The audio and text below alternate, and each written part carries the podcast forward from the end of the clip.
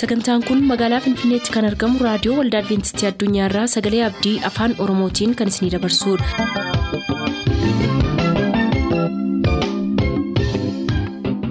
harka fuuni attam jirtu hordoftoota sagantaa keenyaa ayyaanniif nagaan waaqayyoo hunduma keessaniif haa baay'atu jechaa sagantaa keenyaarraa jalatti qabanne kan dhiyaannu sagantaa dargaggootaaf sagalee waaqayyoo ta'a dursa sagantaa dargaggootaatii nu hordofa.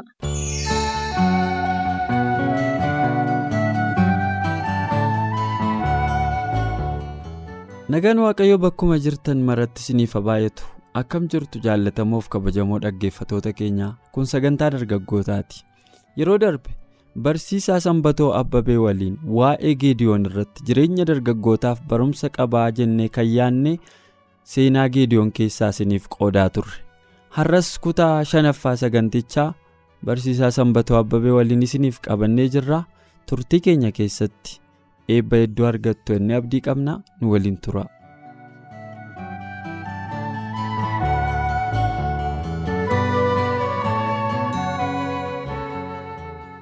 garuma geediyoonitti adeebinuuti. Ergaa milikkitoota mallattoolee kana waaqa biraa fudhatee mirkaneeffate booda waaqayyo ajaja isa ajaje. Ajajinni isa ajaje kun jalqaba qabsoon inni ittiin saba isaa bittaa warra ba'aa biiftuu amaaleq miidiyaan kana jalaa baasu inni jalqabaa waaqa tolfamaa maasii baasaa keessa jiru qe'ee isaa keessa jiru. irratti tarkaanfii fudhachuudhaa dhaqee muka asheeraa iddoo waaqa tolfamtettii sana jigsii ittiin jedhe waaqayyo achii booda geediyoonii namoota fudhatee dhaqee jigse jechuudha. Al tokko tokko eliyaas natti fakkaata yoon dogongoruu baadhee ana malee nammuu lafnee dheennaan lakki namoonni jiru. Nama kuma torban qaba kan ba'aaliif hin jilbeenfatinedhe geediyoon qofaa argina al tokko tokko. Taatee kana keessatti. namooti kudhan wayii kan isaa wajjin deemanii muka sana muran jiru.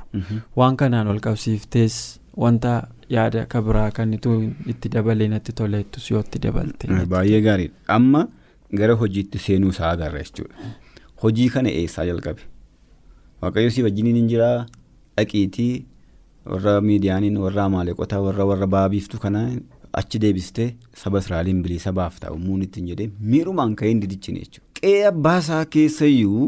wanta tarkaanfii barbaadu tarkaanfii waan diigamuu qabutu jira jechuudha.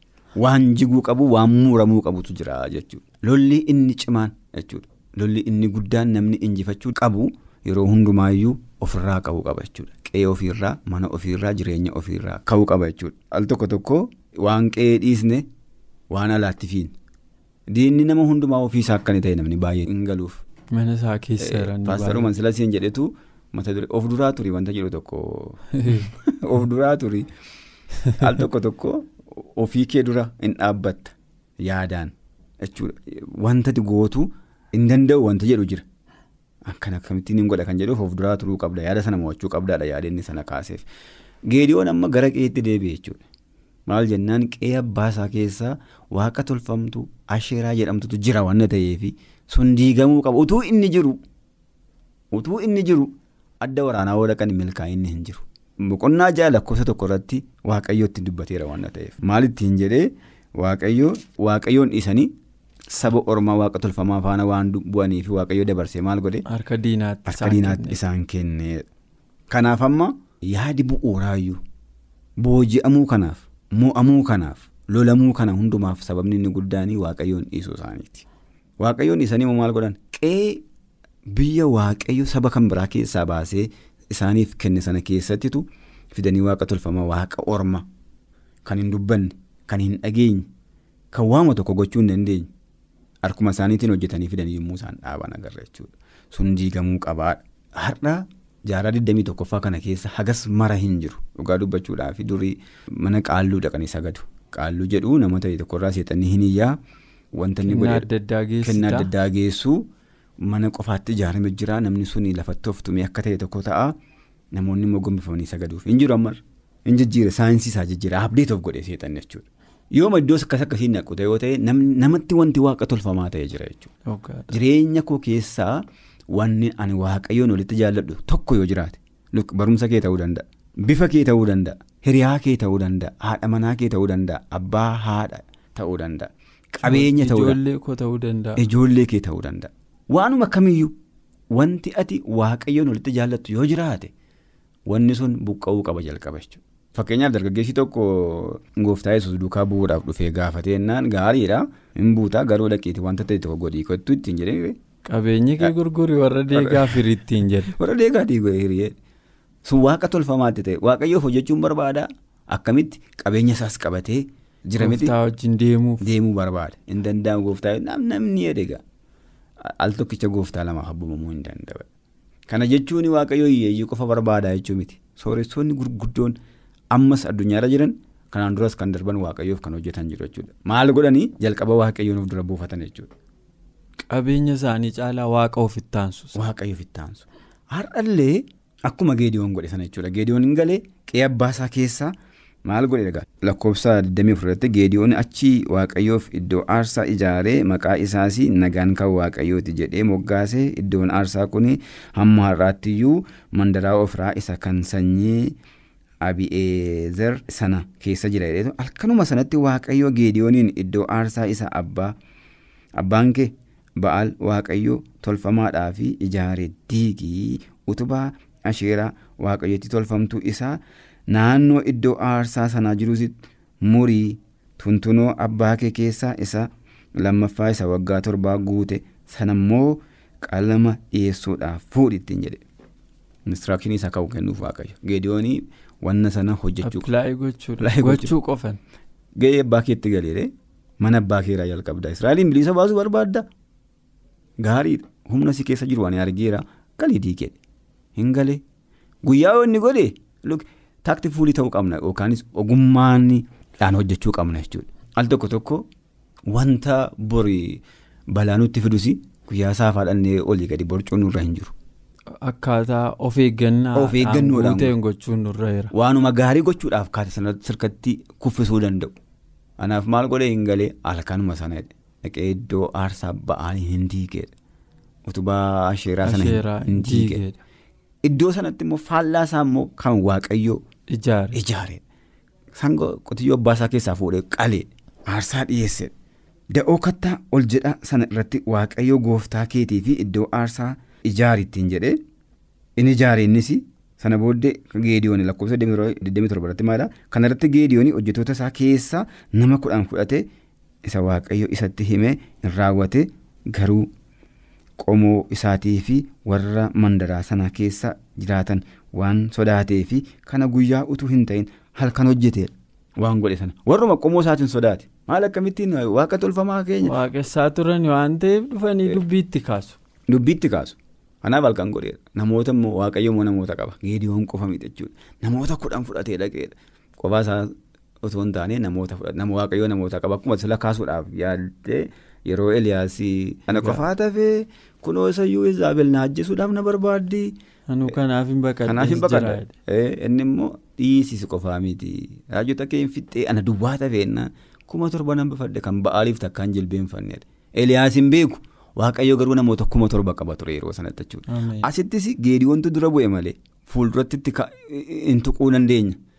Namootumti dhibbi sadan suni warri deeman suniyyuu warra waaqayyoo qabu jechuudha. Warra kudhanii qofayyuu miti. Geediyoon qofayyuu miti. Waaqayyo namoota adda addaa namoota dhibba sadiilee Israa'el keessaa akka inni qabu gara dhumarratti booda yommuu hin kaasna yaada kana jechuudha. Kanaaf qe'ee abbaa isaarraa ka'e jechuudha. Hin diige.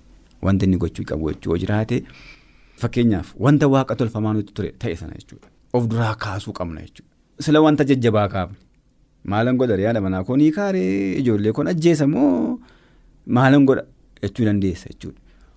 Ati waaqayyotti kenne waaqayyo akka ati haadha manaan kee akka ati deemtee wangeelaaf hin hojjenne akka ati wangeelaaf of hin laanne gufuusitti taate yoo ta'e waaqayyo garaa isheetti dubbachuu danda'a.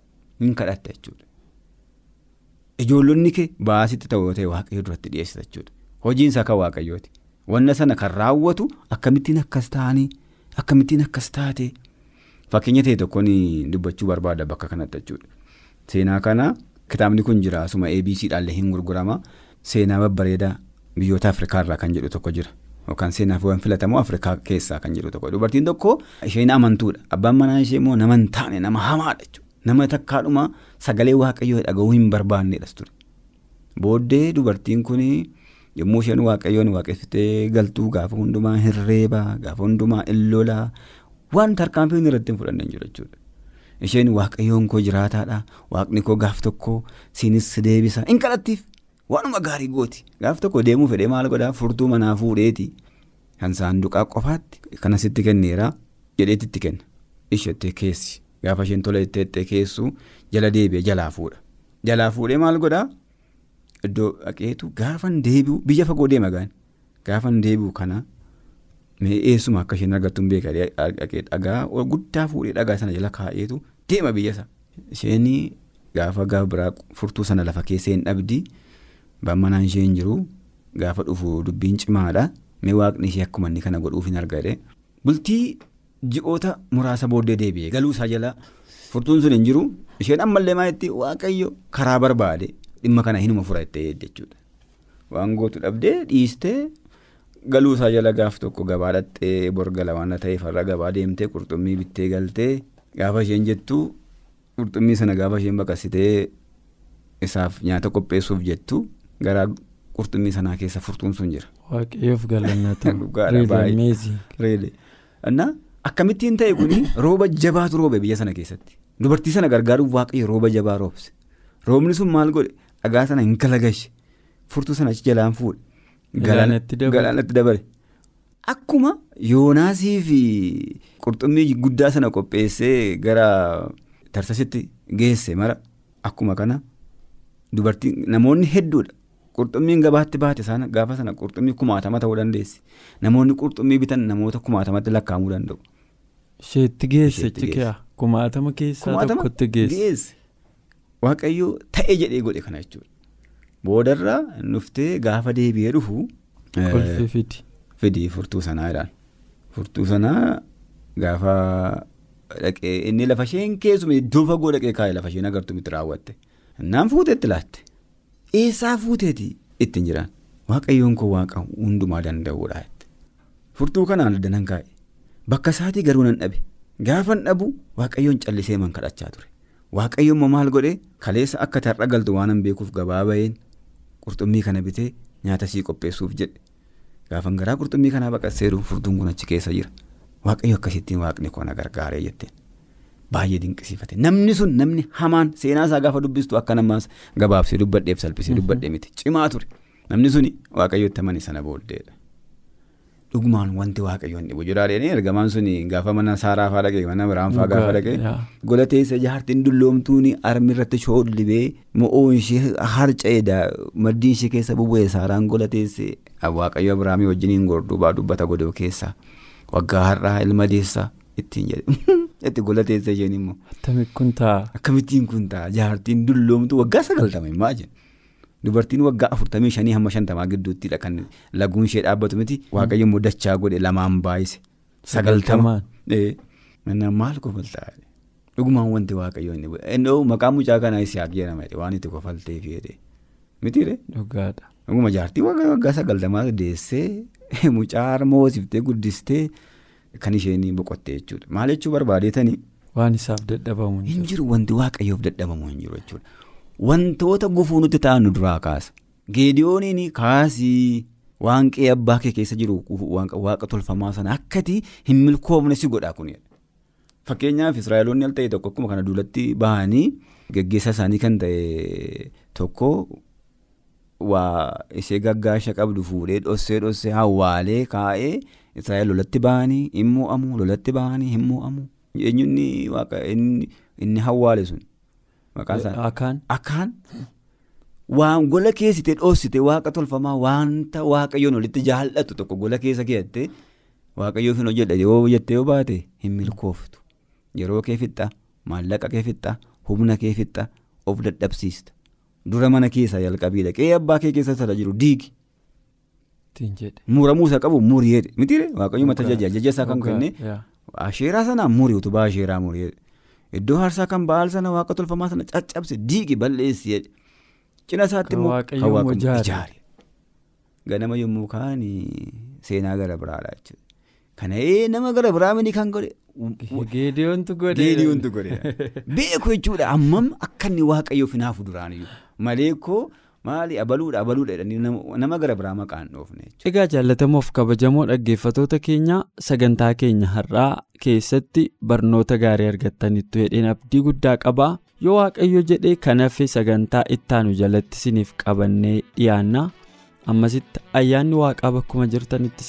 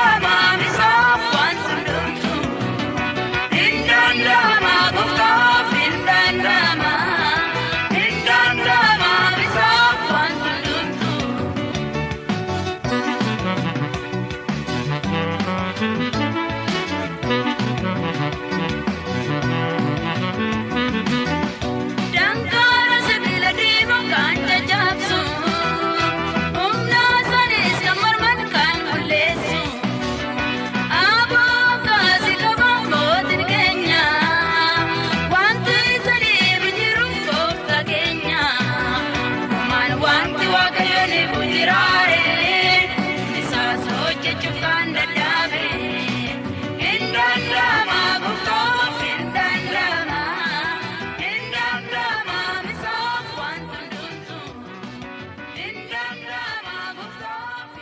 nagaan nuuf tura. turtanii reediyoo keessan kan banatan kun raadiyoo adventistii addunyaa sagalee abdiiti kanatti aansee sagalee waaqayyootti isiniif dhiyaata nu waliin tura.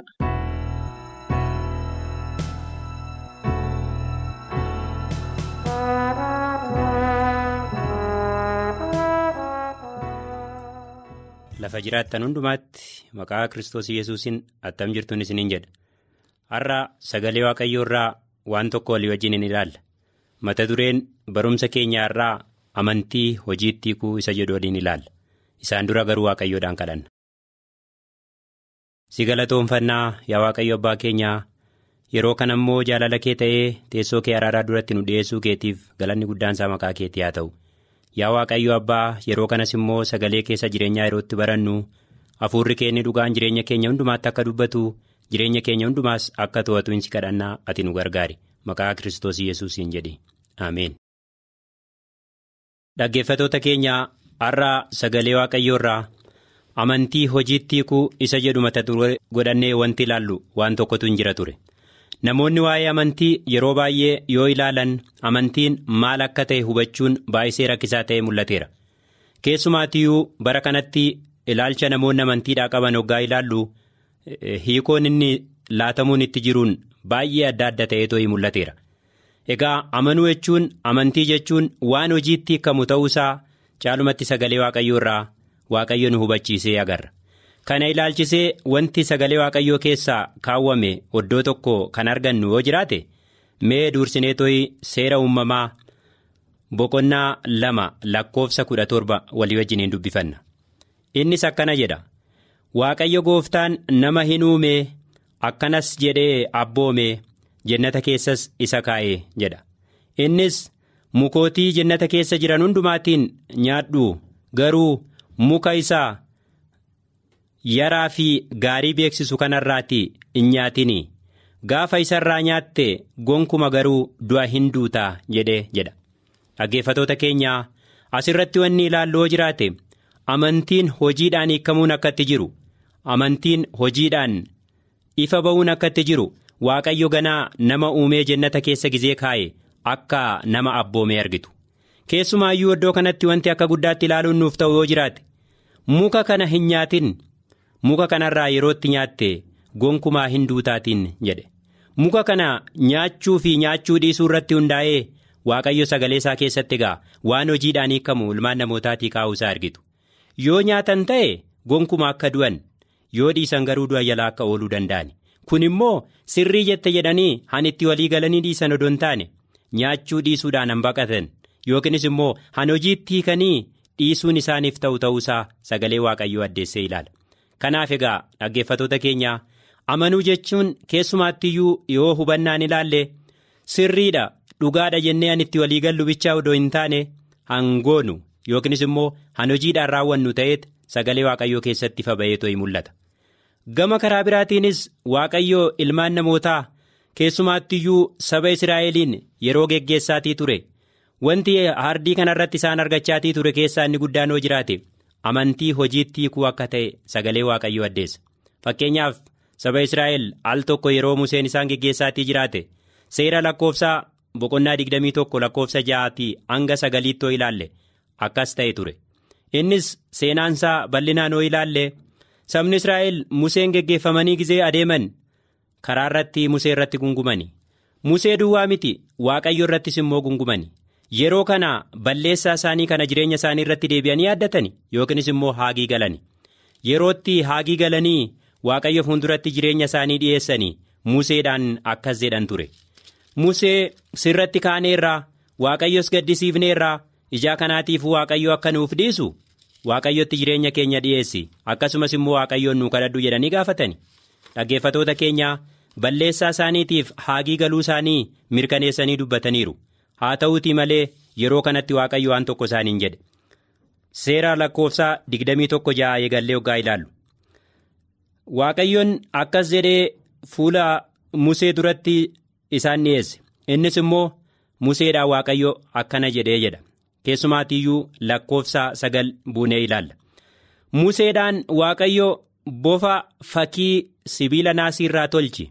Kanaan booddee akka isaan ilaaluu danda'anitti bofa sana rarraasi namoonni bofaan hiddaman hundinuu dhinuudhaaf gara bofa fakkii isa naasii irraa hojjetame kana ija isaanii kaasanii yoo ilaalan dhinuu danda'u. Yookiinis immoo hiddaa bofaatiin akka hin miidhamne ta'u jedhee waaqayyo isaa abboome dhaggeeffatoota keenyaa lafa kanatti wanti guddaan ilaallu yoo jiraate sabni kun musee irratti ka'uu isaanii hubataniiru. Waaqayyo gaddisiisuu isaaniis beekaniiru. Beekuu duwwaa miti haagii galaniiru garuu wanti asirratti nama ajaa'ibsiifachiisu yoo jiraate waaqayyo haagii galuu isaanii kana jiruutti akka jijjiiran yookiinis immoo hojiidhaan akka mul'isa waan tokko isaan gaafate. Innis akkuma argine bofa fakkii naasii irraa hojjetame yookiinis immoo tolchame tolchiitii rarraasi. Kanaan booddee namni bofaan hiddame hundumtu gara bofa fakkii kana hoggaa ilaale hiddaa kanaan du'uurraa oolaa jedhe waaqayyo. Egaa namoonni baay'een waaqayyo nu dhiisee radhanii haagii galleerra jedhanii isa waaqayyo jedhe kana isa waaqayyo dubbate kana hojiitti jijjiiruu odoo dhiisan ta'ee jiraate akkuma bofaan hiddamanitti baay'een isaanii hin dhumu ture. Dhaggeeffatoota iddoo kanattis haagii galuu isaaniitiif raagaa ta'uu kan danda'u waan hojiitti jijjiiruun isaaniif ta'u han hojiidhaan mul'isuun isaaniif ta'u waaqayyo saba kana iddoo kanatti gaafate kanaan booddee namoonni baay'een haagii akkuma galan hojiitti siikuudhaan jiruuttis mul'isuudhaan gara bofa kanaa ija isaanii ol kaasanii ilaalan namoonni baay'een hiddaa bofaa sanarraa dhinanii jedha. Dhaggeeffatoota seenaa baay'ee saba israa'el gidduutti waan hojiitti hiikamaatii jiraate laaluun hin danda'ama. Gama karaa birootiinis immoo waaqayyo al tokko yeroo isaan geggeessaatii jiraate. Sabni israa'el akkanuma amantii hojiitti akka hiikaniitoo mul'isan gaafii adda ta'e yookiin immoo gaafii guddaa ta'e gaafataman isas immoo sagalee waaqayyoo irraa laf tokko walii wajjin in ilaalla mee seera bahuu boqonnaa kudha ja'a lakkoofsa kudha sagaliitii hanga digdamaatti isa jiru walii wajjin in ilaalla innis seenaansaa akkas ture. Akkuma beektan dhaggeeffatoota sabni israa'el hoggaa waaqayyo isaan geggeessaatii jiraate guyyaa sanbataas akka kabajan waan isaaniif ta'u duuchumaas waaqayyo akka isaanii guutu waaqayyo kakuu isaanii gale ture.